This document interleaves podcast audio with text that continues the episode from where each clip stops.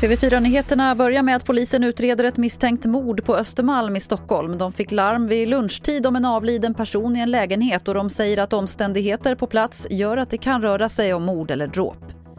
Nu minskar man på avspärrningarna efter godsvagnskrocken i Sävenäs bangård i östra Göteborg i morse.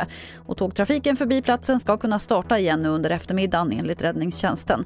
Men alla som befinner sig inom 600 meter från platsen ska fortsätta hålla sig uppdaterade.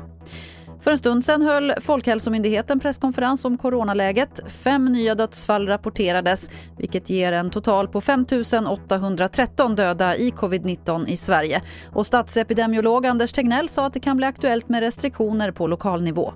De kan eh, omfatta ett antal olika saker men testning, smittspårning kommer att vara basen för att få kontroll på det här och det kommer förstås att bygga på att vi har en bra övervakning på plats och ser de här utbrotten tidigare.